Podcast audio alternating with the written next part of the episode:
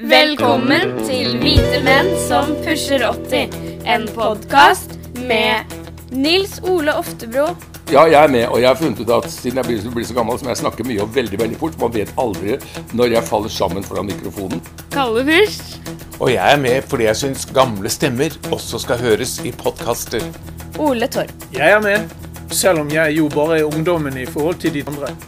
Hvite menn som pusher 80. En podkast for oss, foreldrene våre, besteforeldrene våre, kort sagt alle. Sett i gang. Vi hører på dere, kanskje, men vi følger med på Snapchat samtidig. Ja. Hei. Nei, du har klokket. Du har klokket. Hallo! Hallo. Hasta mañana. Nei. Buenos dias. Nei. Jo, manana er jo, betyr jo morgen også. Det betyr ikke bare i morgen, så det er greit, det. Ja. Pero eh, buenos dias, senor. Buenos dias. Buenos dias en Norvega. Ja, jo, akta Todo bien. ja. Buenos dias um, inferno de Norvega. ha, ha det fint i, i norsk Ja. vinter. Ja, To- ja. to- eh, Todo bien con, eh, con eh, usted. Du Ja, kan, jeg har det fint, jeg har det fint med ost. Ja, ja, ja. Si, si, si. Prøv igjen. ja, dere som nå ikke skjønner denne spalken, altså uh, god dag og velkommen til uh, Hvite menn som pusher 80. Og noen av oss har jo El ultimo podcaste de Noruego. Ja, ja. Vi, noen, noen av oss er nå altså uh, på Kanariøyene. Det er noen. Jeg heter noen. Ja, du, du heter noen, og det er for eh, Ole og jeg eh, Ole og jeg syns jo det er veldig fredelig her hjemme uh, rundt bordet her når du ikke er her, Nils Ole. Ja, ja, ja, det håper jeg da. Ja, Det er derfor jeg har dratt. ja. Skape litt fred. visst. Iallfall fred hjemme hos oss, ja. Ja, men du er jo en fredelig mann. Du er jo, du er jo en mann som vil ha fred. ja. Det er jeg. ja. Du, Fortell oss litt hva det er. Hvor- er du hen, og hva gjør du, og øh, hvordan er det der og sånt nå? For vi er altså i, i Oslo. Her er det eh, Her er det Snart kuldegrader. Ja. Så den er, og neste uke blir det veldig kaldt. Så vi har forberedt oss med lange underbukser og alt mulig sånt nå. Og du, Ja, ja, ja, ja. ja. Uff a meg. Ja, nei, jeg bruker ikke lange underbukser. Tvert imot bruker jeg korte shorts. Men for her er det vel nå Det blir jo litt varmere utover dagen, men nå er det sånn 3, 23, tenker jeg. Og nå sitter jeg og titter utover Atlanterhavet og små seilbåter som ligger utenfor her. Jeg, og skal jeg se Ja, det er kommet noen få mennesker på stranden her, ikke så mange enda. Jeg er i Pata Lavaca, helt sør på Gran Canaria, ved siden av en liten by som heter Arginegin, som flere kjenner. Ja. Der er jeg. Æsj. Ja, nei, jeg syns ikke det er Jeg syns egentlig det er ganske fint. Jeg det er helt ferdig. Jeg har strålende sol hver dag omtrent. Det er 23 grader i vannet. Mørk tropenatt. Øynene som følger mørket ut i uendeligheten. Natt. Alle er gått hjem nå. Ingen barn på stranden. Ingen ungdommer som roper. Stillheten mellom bølgene som bryter mot stranden. Havhjertet som banker. Nattens pulsslag. Og jeg, med et glass hvitvin under en lampe, inne i nattens varme kropp, under himmelen. Jeg er en del av alt dette. Og så lykkelig det gjør meg.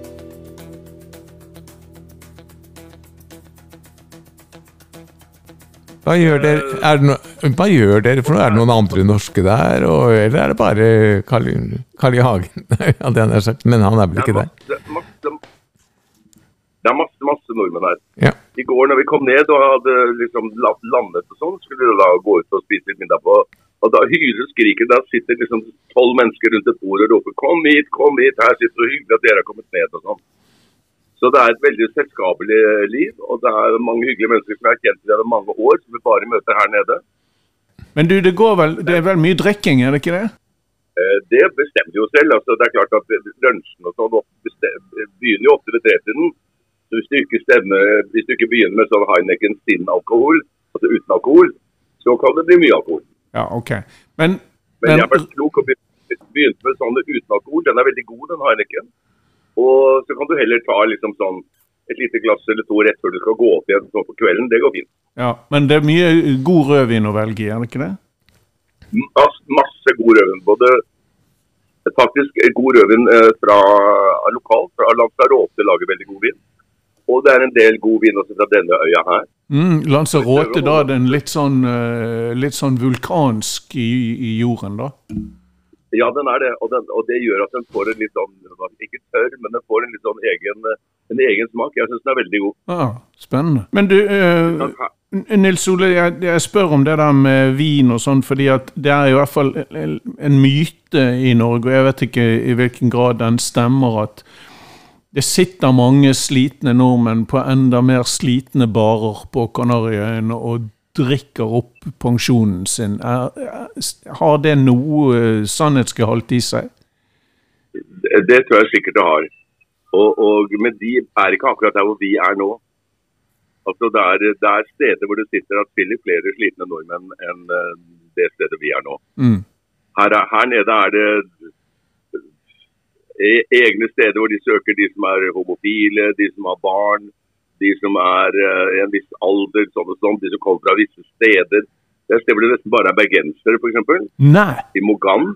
Jo, oh. i Mogan der hadde noen bergensere begynt å kjøpe opp uh, små leiligheter. og da spredte ryktet seg til venner og bekjente, så de kjøpte rundt. Når du kommer til Mogan i gaten der, så er det omtrent som å gå ned Torvaldmenningen. Der er det bare Bergen. Bare, bare skarring og syv fjell rundt? Bare skarring, skarring, skarring. Men du, så herlig. Ole Torp, har du vært ja. ute og reist i det siste, eller? Har du vært i Bergen? Mm, nei, jeg har vært i Stavanger. Du har vært i Stavanger, ja. Det var, det var ålreit. Hva har du gjort i Stavanger? Nei, det er bare for å besøke noen, uh, noen familie. Men det er ok å komme til en småby av og til. Ja. ja, du tenker fra Bergen, ja. Ja, ja, ja.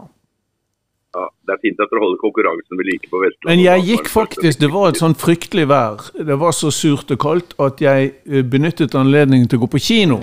Dagens anbefaling!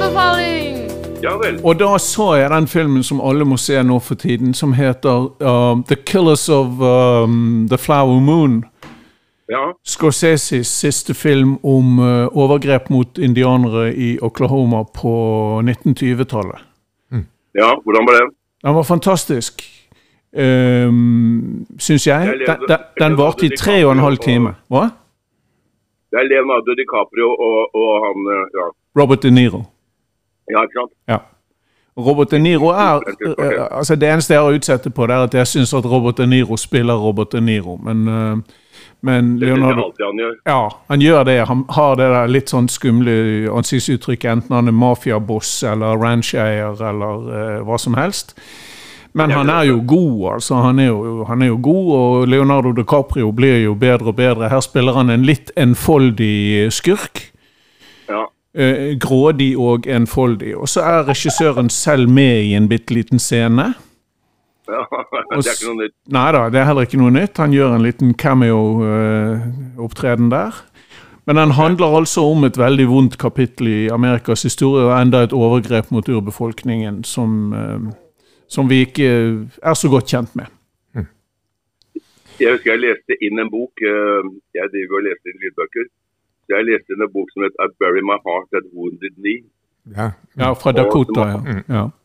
ja og det, Den boken handlet bare om alle overgrepene gjort mot indianerne. Helt fra liksom de såkalt kjøpte et svært område uh, lenger vest for New York fra franskmennene en gang på 1700-tallet og Det er den mest forferdelig deprimerende boken jeg har lest noensinne. Louisiana-handelen, ja. Men de det, det, ja, ja, Louisiana-handelen, helt riktig. Den boken mente jeg jeg, jeg leste på 70-tallet omtrent. Det er en gammel bok, er, er, det ikke det? Det er en veldig gammel bok, ja. men den blir aldri gammel. Altså, alle som snakker om urbefolkning, og ja. hvem som måtte forflytte seg fra hva til når. Altså, jeg tenker nå på en viss pågående konflikt mellom hvem som har måttet forlate hjemmene sine og sånn, sånn i, i Midtøsten så kan man trygt si at det finnes ganske mange historiske eksempler på, dessverre, mm. mange som har måttet forlate hjemmene sine og finne nye steder å bo for at det skulle bli plass til alle. Sånn er det bare. Ja, og den filmen kan man se som et, uh, som et um, universalt angrep på den slags politikk i, i og for seg. Ja. Mm. Yeah. Ja, ja. Men, ja, den er veldig god, altså. Det er nok ja, en film de fleste av oss burde sett. Har det skjedd noe? Se. Ja. Jeg, jeg, har, eh, jeg har da beveget meg en hel etasje ned i huset i dag morges og vært på 15-årsbursdagsmorgen med hurra for deg og gaver og, og sånt. ja. Ja. Så såpass mye har jeg gjort. eh, Det er ikke så langt som verken til Stavanger eller til, til Bergen. Ja, Nei, eller, eller til eh, Kanariøyene, men eh, Men Kalle går i alle segmenter, vet du. ja, ja. Men det er interessant, liksom. Det er en moderne familie. Der er min ekskone, der er uh, min datters uh, nye uh, kjæreste. Og så, så, så, sånn blir det nå i de moderne familier. Ja, det er fint. Og da er det veldig lurt å ha gjort det, da, at man har familiemedlemmer eller det familiemedlemmet som feirer bursdag boende i samme hus. Det Man veldig- slipper lange gåturer i kulda for å kunne synge 'Gratulerer med dagen'. Ja, veldig greit, det.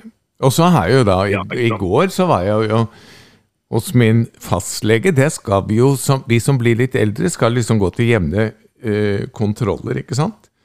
Ja, det, Og, heter fastlege, er det ikke det? Ja. en fastlege, og, og, og hun, det er en litt eldre dame, veldig hyggelig, og alle sier jo at den som har en god fastlege, eh, lever i gjennomsnittet lenger enn de som liksom bare flakser fra den ene til den andre. Er det sant? Det har jeg aldri tenkt på. Men ja. det, det har litt med trygghet å gjøre, og med oppfølging. Ja, oppfølging kjenner deg og vet hva Ja. som foregår og sånt. Ja. Og da sitter vi der og snakker om alle de medisinene jeg skal ja, ta. men du kan også risikere at hun sier eh, 'jeg syns du skal eh, du skal droppe rødvin i noen uker', og sånt. Ja, men jeg drikker så lite rødvin. Å ja. Ja. Mm. Men hun sa du, du skal drikke mer vann, sa hun. Ja, da har vi det. Men det, det samme, det, Ja. det, da er det det samme hun sier. Uhyggelig. Men, Og, men, men jeg, har prøvd, jeg prøvde å etterfølge det, det rådet, da, drikke mer vann. når Jeg lot jo være å drikke når jeg var 14 dager på ja. Og da drakk jeg masse vann, og det gjør at jeg må opp og tisse hver time. Altså jeg pisser og pisser og pisser. og pisser. Så da, Jeg sover dårlig, men jeg blir sikkert det får skylt leveren og sånn. Det får jeg nok. ja, men det sa jeg også. Da, du, for eldre menn må jo ha jo litt, mindre, litt større prostatakjertel, så vi må jo opp om natten. det. Så da sover jeg dårligere. Men jeg, så jeg, nå skal jeg prøve Jeg pleier å prøve å ikke drikke noe særlig om kvelden, ikke sant? men nå sier hun du skal fylle på, på med vann, og så må du opp, da. Opp og opp og opp. Ja. Sånn er det. Sånn er det å bli eldre menn, men dere. Men det er farlig å ha en kvinnelig fastlege. For egentlig vet ikke de hva de der snakker om, så derfor kommer de med gode råd som ikke er deres råd og deres virkelighet. Ja. Hadde hun hatt det sånn at hun drakk mye om kvelden som hadde stått hele tiden, så hadde hun sagt ikke drikk om kvelden. Slutt å drikke klokken seks, ville hun sagt da. Ja, men jeg vet ikke hva som er mest alvorlig, å måtte opp ø, om natten hele tiden fordi du drikker for mye vann, eller å sove urolig fordi at du har litt alkohol i kroppen. Eh, natten blir Ja, urolig jeg- uansett. Jeg må innrømme at kroppen min kjenner seg selv ikke igjen hvis jeg bare drikker vann. Da sover jeg ikke i det hele tatt. Der har vi det. Det er ikke sånn at, det er ikke sånn at jeg sover godt. Kroppen spør hva i all verden er det som skjer her, da? Men i all verden Men nå er jeg jo så frisk, jeg kan ikke sove nå. Så nå Sier kroppen. Da, da, begynner, ja. ja, nei, da begynner hjertet å tralle og hoppe litt rart i rytme, og det klør under føttene, og det er ikke grenser. mellom at jeg ikke sover. Ja. Nei, men det, men det er fint å ha en god fastlege. Og fastleger prioriterer jo de som er litt eldre. De gir oss god tid på når vi snakker med dem og sånt. Det, det, Ja, det, var, gjør det gjør, gjør overhodet ikke min, men noen gjør da det. Det er fint å høre. det for, for, for det, det er med å ta vare på de eldre og sett, gi de eldre rom. Det syns jeg er, er viktig nå. Nå har det igjen vært en ny sånn greie med at det har vært klaget på at det bare er tre av 356 ordførere i Nordre som har innvandrerbakgrunn. Og så sier de at én av fem har innvandrerbakgrunn, derfor må det være flere innvandrerordførere. Ja, det er helt riktig. Men det er ingen som sier at det er én av fem som er over eh, 62 år. Derfor må vi ha flere ordførere eh, som er i den eldre garde. Det, det derre at de eh, alle med innvandrerbakgrunn skal prioriteres, men de eldre skal ikke prioriteres. Det betyr ikke at det er noe galt å prioritere innvandrerne, men det betyr at det er noe forferdelig galt med at eh, voksne folk ikke skal prioriteres. Og, og, og når Jonas Gahr Støre får så mye ros det er bra han får ros noen ganger, da. Eh, For han får jo bank også, eh, fordi at han har en så ung regjering. Men det, men det er ingen da som etterlyser de eldre med erfaring og sånt. Og sånn selv ikke Raimond Johansen, som er en skikkelig fyr, fikk plass der. Ja. Nei, vi må, prioritere, vi må prioritere oss selv. Ja, Vi må passe på oss selv når ingen andre gjør det, mener du? Ja. Ja, det, ja, det, det er sant. De Nei, men altså, det der med ordfører og innvandrere, det, det um, Det hadde vel vært en fordel med flere innvandrere, for da hadde kanskje integreringen gått uh, fortere også. Men, uh, men uh, det er jo vanskelig å klage på vegne av innvandrerne når til og med stortingspresidenten er innvandrer. Ja, jeg, altså, jeg klager. Altså, jeg syns det er rimelig, det, alt det der. Men, men husk på oss gamle også. Ja, Men det er vel en rekke ordførere som er litt voksne, og som har iallfall i noen daler og bygder hvor de har vært ordfører i mange år. ja. Er det ikke det? Jo da, noen steder. Så, så jeg tror at den der kontinuiteten kanskje er ivaretatt. De er eh, kanskje ikke 30, men de er eh, 53 og et halvt, og de er fra Senterpartiet alle sammen. Ja, og så har det vel kanskje noe med å gjøre at våre nye landsmenn er ikke så flinke til å stemme. De har jo en mye lavere stemmeandel enn eh, ofte da, enn eh, av etniske nordmenn. Og det er klart at Da blir det ikke så lett valgt, uh, altså valgt ordfører derfra heller, hvis de ikke stemmer for å få ordføreren inn. Så det er liksom, de må, de må selv velge å tro på demokratiet hvis de vil at demokrati, demokratiet skal tro på det. Mm, de ville stemme på partier som vil forby brenning av Koranen. Det var, det var en greie under det siste valget. Og det er klart Ja, Da blir det litt smale partiprogrammer ute og går. Dagens gammeldagse tema, ass. Men dere, det skjer jo ting i verden. Eh, Vi snakket litt om eh, Israel-Palestina sist, for da var det akkurat eh, kommet Hamas-angrepet. Og, og hva er det som skjer, og hvorfor skjer det? Er det for å få fokus på det som skjer eller ikke skjer? Hva er det? Hvorfor går man til et sånt angrep? Og så har jo alle forventet altså den store motreaksjonen igjen. Og det har vært ja, det er, det er en stor diskusjon om uh, Israel-Palestina. Uh, Og uansett hva du sier, så blir du feiloppfattet. Hvis du sier, er hvis du sier at uh, det var et terrorangrep fra Hamas, så sier noen Israel har drevet terror i mange år. Og hvis du sier det er feil å flatbombe Gaza for det går utover sivilbefolkningen, så sier folk på den andre siden at du aner ikke hva det er å være så undertrykt som palestinerne er. Så uansett hva man sier, så er det feil. Og det får meg til å mene at den eneste veien ut av dette er ikke militært, det er politisk og diplomatisk. Men sånn ser det ikke ut som det går, dessverre. Nei, og- så er det jo Det, som, det jeg syns er rart med denne krigen, det er Gaza er da en eh, by med to millioner mennesker. Folk bor tett på hverandre. Allikevel har de da en befolkning hvor halvparten er under 18 år. Så hvor mange barn bør folk bør, jeg vet hva, bor, Men det er veldig rart at folk velger å få så mange barn når de bor så tett og på så lite område. Hvorfor skjer det? Ja, men det tror jeg ligger i, det tror jeg ligger i eh, kulturen, eh, Nils Ole. og det? Ja, det kan sikkert være. Ok, det ligger i kulturen. Ja, og religionen. Men ligger, i kul men ligger det også i kulturen at man ikke bygger bomberom for eh, befolkningen, slik at de er nødt til å samle seg for å være i fred på, på parkeringsplassen utenfor sykehus, for det er ikke noe annet sted de kan oppholde seg for å slippe israelske bomber. Er det også en del av kulturen? Nei, men jeg tror de har bygget mange bomberom, i tillegg til at de har bygget mange, mange tunneler til nei. krigere. og Nei, sånt. nei, nei, det er det de ikke har. De har, det som ikke har fått opplyst, så har de ikke bygd omtrent noen bomberom i det hele tatt. Ja, Og hvorfor det ikke har skjedd, det må man spørre om. Og det kan jo da være fordi at hvis det er veldig mange barn i befolkningen, pluss at de ikke har bygd bomberom, og de angriper så voldsomt og grusomt som de gjorde nå Israel først, så har de tatt med i beregning av oss at Israel kommer til å svare. Og det må vel alle vi være ærlige at eh, noe annet ville vært veldig rart hvis Israel ikke hadde gjort. Og da vet de per definisjon at veldig mange barn kommer til å bli drept, for halvparten av befolkningen er under 30 år er under 18 år, og de vet ikke hvor de skal gjemme seg. De er nødt til å gjemme seg i kjellere i sine egne hus, eller de må gjemme seg ute på gaten. Og da blir det selvfølgelig drept veldig mange. Ja, Og Jo hardere de da angriper Israel, jo hardere vil Israel svare tilbake, og jo flere barn. Og dette brukes jo da av samtlige disse blødende barna som bæres grusomt inn på, på sykehus. Det grusomme i det går jo da verden rundt. Men det er ingen som anklager Hamas for faktisk å ha tatt med i beregningen når de angriper Israel.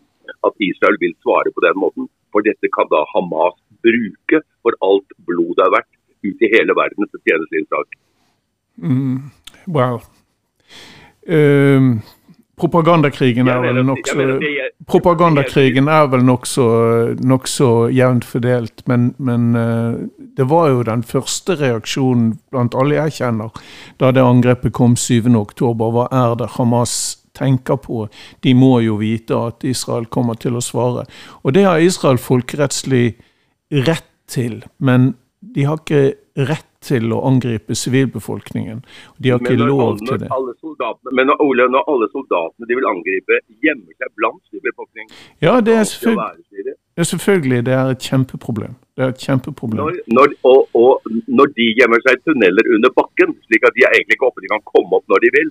Men de som er i gatene, det er sivile, og halvparten av dem er barn. Mm. Og De skal Israel da forsøke på en måte å pløye unna, sånn at de kommer til Hamas-soldatene som ligger i kanalene sine under bakken. Og Dette har Hamas men jeg, regnet med. De bruker sine egne sine egne landsmenn på gata som slaktoffer for å anklage Israel og vise deres grusomhet. Nå har israelerne klart å ta ut, som det heter på moderne, 15 Hamas-ledere og kommandanter, så noen har de vel fått drept. Men det er, uansett hvordan man ser på dette, så er det ufattelige lidelser. altså. Ja, og, vi... og jeg mener at Israel, Israel må gi seg. Israel må si nå vet du at dette er en umulig krig for oss. Vi kan ikke slåss mot Hamas i de tunnelene. Gjøre, og du vet hva De har tenkt å gjøre nå? De flatbomber hele Gaza nordfra. Og så har de en spesiell type bomber som de kan slippe, som de har utviklet, som trenger 50 meter ned i bakken. Så det de gjør når de har lagt husene i grus, at, og da, hvor det ikke er noe særlig plass for Hamas å gjemme seg, det er at de går inn med de bombene. Så slipper de de på steder hvor de tror disse tunnelene ligger, slik at de ødelegger tunnelene og begraver alle som har vært inni de tunnelene under bakken. Det er det de eh, holder på med. Mm. Ja, grusomt er det i alle fall. Så, uh, Men uansett så må Israel gi seg. De må si på en måte denne krigen, uh, som du sier, Ole, altså de har vært okkupert eller regnet seg som okkupert i hele den palestinske befolkning siden seksdagerskrigen. I hvert fall. Og, og, og, de kan ikke vinne den krigen om de så utsletter hele Gaza og Hamas. Altså, de må finne et det må nå fra hele verdenssamfunnet legges et press begge veier på Hamas, eh, på Hizbollah, på Israel og på alle. Og det må hele verdenssamfunnet, uansett hvilken side de står på denne konflikten, og hva de mener, så må de sette i gang med det. Hvis det ikke så ender dette bare i et blodbad som, som, er så grusomt at vi kan orker ikke å tenke på det. Nei, og, og, kanskje til og med en utvidelse av krigen eh, til en stor krig i hele regionen. Ja, og da vet vi aldri hva som skjer. Nei, du må ikke snakke om det. Jeg begynner å gråte bare tenke på det. Ja, ja, ja.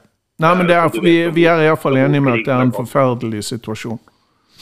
Nei, vi, vi, klarer ikke å løse det problemet, og det er en forferdelig situasjon så, som vi nok skal leve med en stund. Men det er, det er ganske deprimerende å se at uh, de står så steit mot hverandre. Våre egne problemer virker jo veldig små i sammenheng, men, men det er jo likevel mange ting å diskutere her hjemme.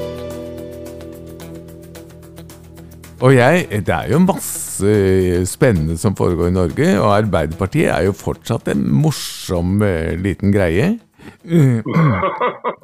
Yeah, morsom liten greie, synes jeg godt sagt. Ja. Uh, Jonas Gahr Støre hadde vært på Fellesforbundets møte nå, og, og vel fått så hatten passet hele tiden. Det var ikke så mye diplomati der i måten fagforeningsgutter ordla seg på. Nei, de hadde skjelt han ut for det aller meste. Eh, og en av de tingene som han også ble utskjelt for, var jo strømkrisen, ikke sant? som mm. jeg har vært veldig opptatt av. Jeg syns at det er en skam at vi er, har At strøm er blitt liksom den største kapitalvaren og den største driveren til at folk sitter og og dealer og tjener penger og, og sånt noe, mens det koster jo nesten ingenting å produsere strøm, og så eh, slippes de ut på det europeiske markedet pga. disse strømkablene vi har, og så får vi importert høye strømpriser.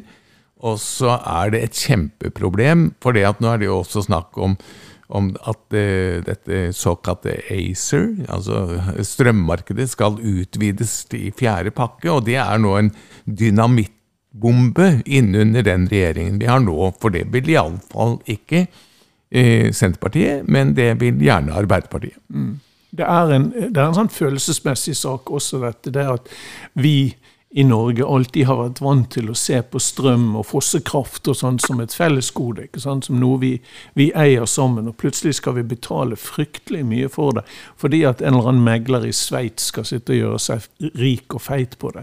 Det er utrolig provoserende. Og jeg tror det er det som også er uh, provoserende for, for uh, Fellesforbundet. At de er vant til at dette er noe som de fleste familier kan ha rimelig adgang til, og så er de plutselig utsatt for eh, ja, kapitalisme. Rå kapitalisme. Rå kapitalisme. Og, ja, og at denne rå kapitalismen til de grader da forsvares både av ø, olje- og energiministeren og av Jonas Gahr Støre. Det er ikke så rart at Arbeiderpartiet tappes for velgere, altså. Men er det Arbeiderpartiet alene som har eh, Er det det eneste store partiet i Norge som har slått for at de Nei. Nei da. Nei. Men, nei, men, nei, men de har jo men, Nei, men de, de har, Arbeiderpartiet har jo skullet være liksom på linje med fagforbundene. Eh, det har jo aldri Høyre sagt at de skal være. Så Det er derfor de får så mye bank av fagforeningene. Det føles mer som et svik, på en måte, ja. når det kommer fra den siden. Men det, det, har, det har jo noe med hele he, altså, eh, da, da, Tony Blair var statsminister i, i, i Storbritannia og innførte, innførte, The New Public Management, som da ble overført av, Jonas, av Stoltenberg til Norge, og helseforetakene og strøm og alt mulig sånt noe, at fra å være sosialdemokratisk fellesskapseie og handel, så ble det Eh, eh, storkapitaltankegang. Og det er jo det vi nå ser når de innførte helseforetakene, Helseforetak Øst, som da nå skal ha ansvar for å bygge ut det nye Rikshospitalet, rive Ullevål. De må jo, de må jo altså finansiere dette selv og kutte i helsetilbudet så det svir eh, i hele Helse Sør-Øst. Og når alle de ulike fagfunksjonene som jobber i sykehusene, er så imot det. Det er helt utrolig at det trumfes igjennom, altså. Men dette er restene av Stoltenbergs eh, innføring av helsemodellen i Norge. Hvor Jonas Gahr Støre var helseminister. Og som ble videreført av, uh, av Høyre-regjeringen. Selvfølgelig. Ja. Ja. Og la oss ikke glemme Gaustad. Eh, forfatteren Torvald Thorvald Steen har jo nylig skrevet en meget, et meget kraftig angrep på hele, dette, hele prosessen med, med, nedbygging av sykehustjenestene. Og han tar også med Gaustad eh, og minner oss om at nedbyggingen av psykiatrien har skutt fart de siste 20 årene. Det har vært nedlagt 2000 plasser eller noe sånt i psykiatrien. Og nå skal altså både de somatiske og de psykiatriske plassene legges ned eller reduseres veldig kraftig, samtidig som skal, vi skal utdanne færre helsepersonell. Mm. Det er jo helt Og vi får eldrebølgen, og så får du en, får du en helseminister som sier ja, jeg forstår godt uh, bekymringen, ja, vi forstår godt vi forstår det godt, vi forstår det godt, og så gjør de ingenting. Og så fortsetter hun å gjøre det ja. samme. Det er også også provoserende. Ja. Nå er ikke jeg så god til å etterligne dialekter. Nei, men det er herran-herran-problemet, ja, problemet, ja. ja. ja. Men det spennende her er jo, er å prøve å finne ut hvilken ideologi er det som ligger bak alt dette her. Hvorfor gjøres dette ved sykehusene? Hvordan, hvorfor gjøres det på denne måten? Hvorfor legges disse kablene? Det er jo en del av en EU-politikk. altså Det er jo fri bevegelse av kapital. Det er privatisering av absolutt alt mulig fra staten som såkalt skal nedbygges. Og det er jo på en måte fritt marked og fri eh, både når det gjelder arbeidskraft og når det gjelder kapital. Det er jo liksom de to grunnleggende faktorene i det hele tatt bak EU.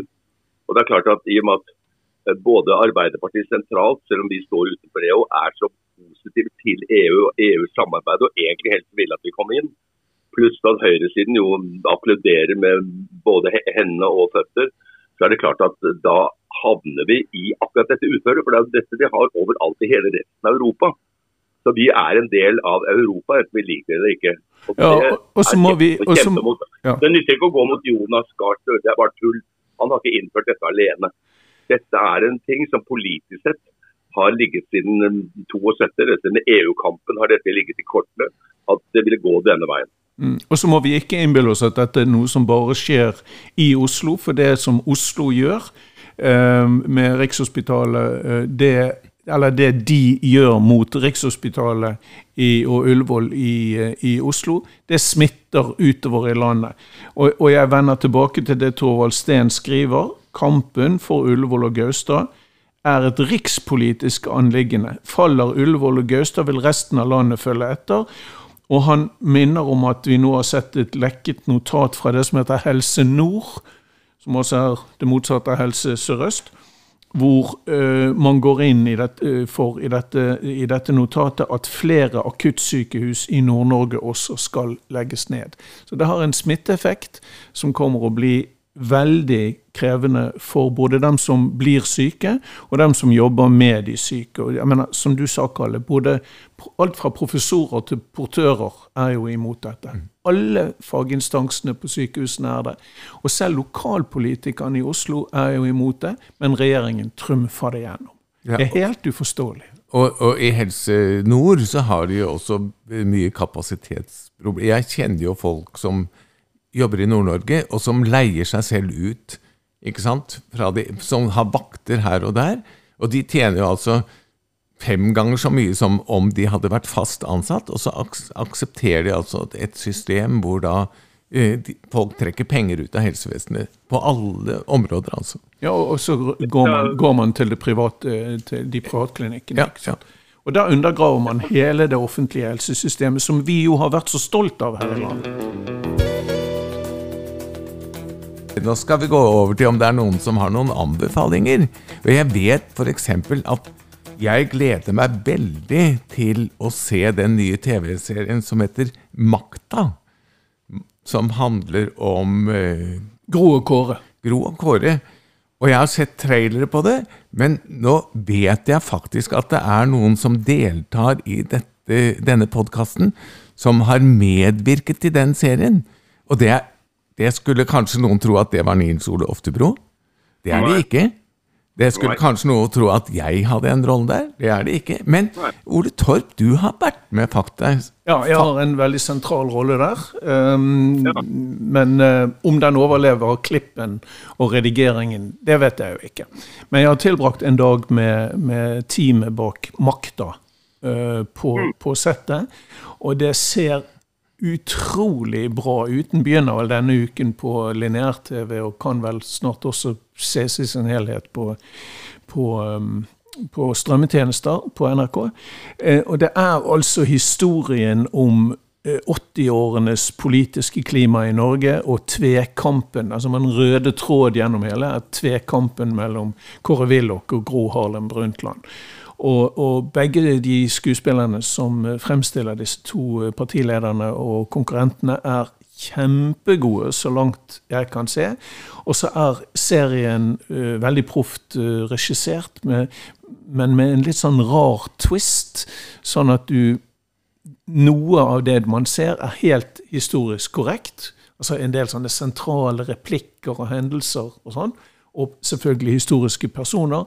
Mens mye av det som skjer rundt dem, er antagelig fri diktning og veldig gøy. Men er det en dramaserie? Er det en politisk satire? Er det underholdning? Er det antagelig litt av alt. Det, Hvem, hvem, er, det som- hvem er det som fremstiller Kåre Willoch? Uh, Torbjørn Harr. Torbjørn Harr? Ok, vi de har barbert Torbjørn Harr på hodet, da? Eller? Eh, nei, uh, det har de ikke. De, de har en veldig god maskør som fikser det der. Fordi at Ja, ja, ja, sånn, ja. Men, han, men, men han, han er skallet da i, i, i, i serien. han ligner, han ligner og høres veldig ut som Kåre Willoch.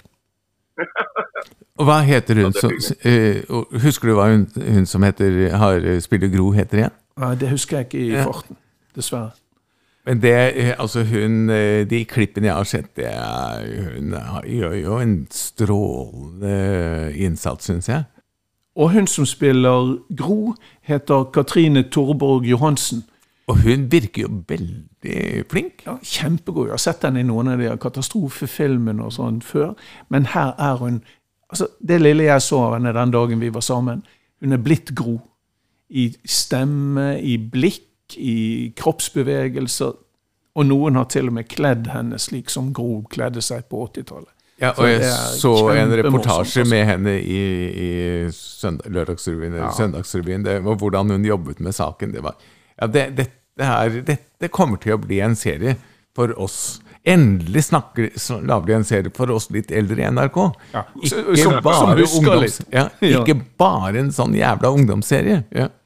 Torbjørn Harr og Katrine Torborg Johansen de er knallgode begge to. Og det er mange andre Ja. gode Og så er det Yngvild Flikkeveld som har eh, regien. Ja. Nei, det er noen av de der Stavang... Ja, den det husker jeg Ja, ikke. Det er, eh. Det er, hun har hovedregien, tror jeg. Så det er, dette er jo faktisk altså eh, Torbjørn var en av de Stavanger-regissørene som uh, hadde den episoden jeg var med Ja. på. Ja. Det er for både Torbjørn og Yngvild. Dette er jo folk som begynte i NRK da jeg var sjefen deres, så jeg kan jo liksom høste litt ekstra ære at jeg Ja. slapp dem frem. Det er veldig morsomt.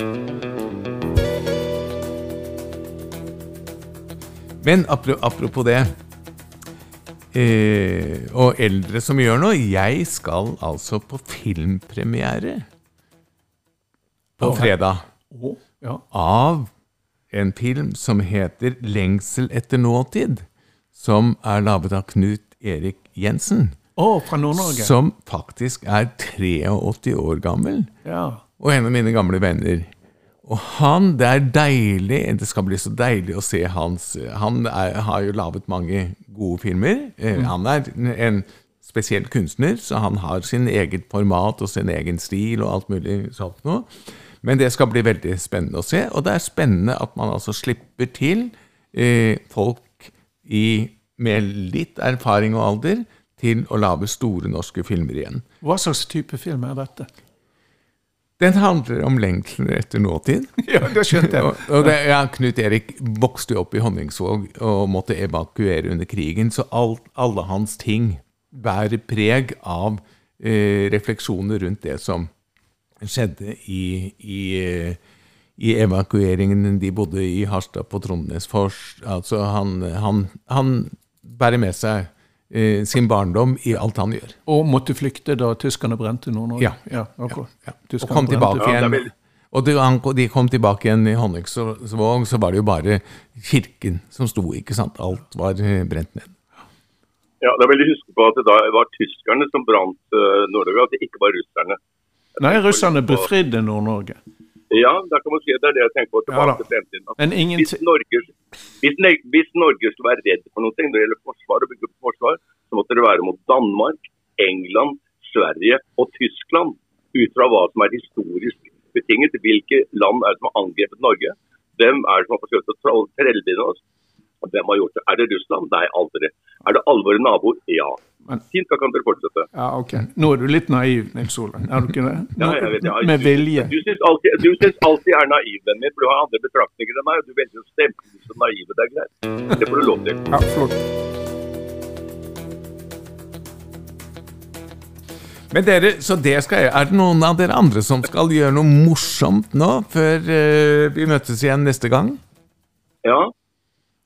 Ja, jeg vet ikke om det er før, da, men det er sånn Vi skal opptre i Sjømannskirken her nede 9.11. med et program som heter Dikt og datt. Og det vil si at vi har valgt eh, sammen eh, Vi har valgt en del dikt som ligger i eh, Hva datt er, det er da sånne tekster som vi syns er fine tekster å lese opp, men som ikke nødvendigvis er dikt. Så vi holder et uh, program her nede. Så hvis noen sitter og hører på dette her nede på Kanarien, for der bor jo en del eldre mennesker, så er dere hjertelig velkommen i Sjømannskirken 9.11. her nede. Kjempegøy. Men hva skal du lese? Alt mulig.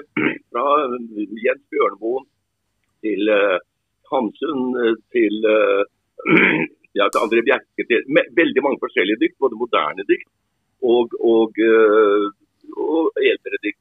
Og Det er Anette og jeg som skal lese, så vi bytter litt på med kvinnestemme og mannsstemme. og et tema som har med det å gjøre. Men har, de, har dere valgt selv, eller er det et oppdrag? Uh, Nei, vi, vi har fått i oppdrag, oppdrag, oppdrag, forespørsel om vi har lyst til å lage en kveld for de som er her nede.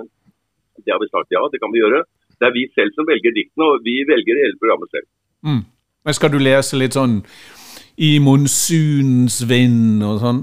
Eller må det være litt sånn knyttet til varme trakter og Men øh, hvilket paraplydikt, paraplydrinkdikt er det du skal lese? Det var bare et eksempel. Bare et eksempel. Har du paraplydikt? Ja, vi har, vi, vi har veldig få paraplydikt. Jeg lurer på om jeg skal sette meg ned etterpå og skrive et paraplydrinkdikt og så sende til deg. Men Nils Men du slipper ikke helt unna oss, vet du. De andre hvite eldre mennene som pusher og pusher. Men du, har Det du. Jeg syns det er kjedelig. Har du det diktet? Kunne du tenke deg å Eh, avslutte denne podkasten med å lese opp det diktet? Ja, det er, ja, da, må jeg finne det. Da må dere prate i fem minutter. Nei, vi trenger ikke prate, vi kan bare vente, vi, og så redigerer vi dette bort. skjønner du. Jeg jeg husker ikke hva det het. Jeg husker ikke hva diktet ditt het, Nils Ole. Det er Men jeg har jo skrevet det for lenge siden. Det er jo ikke sånn at dette er, at dette er noe som er skrevet nå. Det er jo ikke sånn, Det er julaften ennå når det kommer hit. Hva lykke er i en tid når alle avskjeder er tatt. Nei, det er det ikke. Nå har jeg vært her, jeg har kommet, jeg har dratt meg. Det skal vi se. Dette tar tid, skjønner du. Det, det Ja, ja, ja, ja, men det er, det, det, det er så, så fint. Han har en stor produksjon. ja. Nei da, det har jeg ikke. ikke kalt det produksjon. Å bo i et av verdens rikeste land. Ønsker forskjell av vekst og utvalg eh, Nei, det var det ikke. Nyttårsaften, livet er en skyter over fjellet, det er det ikke. Hva jeg vil, tjene mer penger er. Ja, alle disse titlene er jo nesten et dikt i seg selv når du setter det sammen. Jeg går i solskinn, vinter på høyfjellet, Om noen skulle male mitt portrett. Minne om en morder. Eh, du er modig elskede. Takk for livet. Vi nærmer oss, skjønner jeg. Ja. Du har ikke Ja, den er, den er det ikke. Det er som Når jeg ser deg Nei, den er ikke, det er litt sånn erotisk. Den er ikke ha, skal vi se. Her sitter jeg enda gang i stol, skal vi se. Hva, men hadde du et erotisk dikt der? Ja, det skal vi ikke lese. Det tar vi neste gang. Det tar vi neste gang, for å, får så kanskje vi kan hisse oss litt opp. Det syns jeg vi to klarer veldig godt, Ole. Vi trenger ikke det.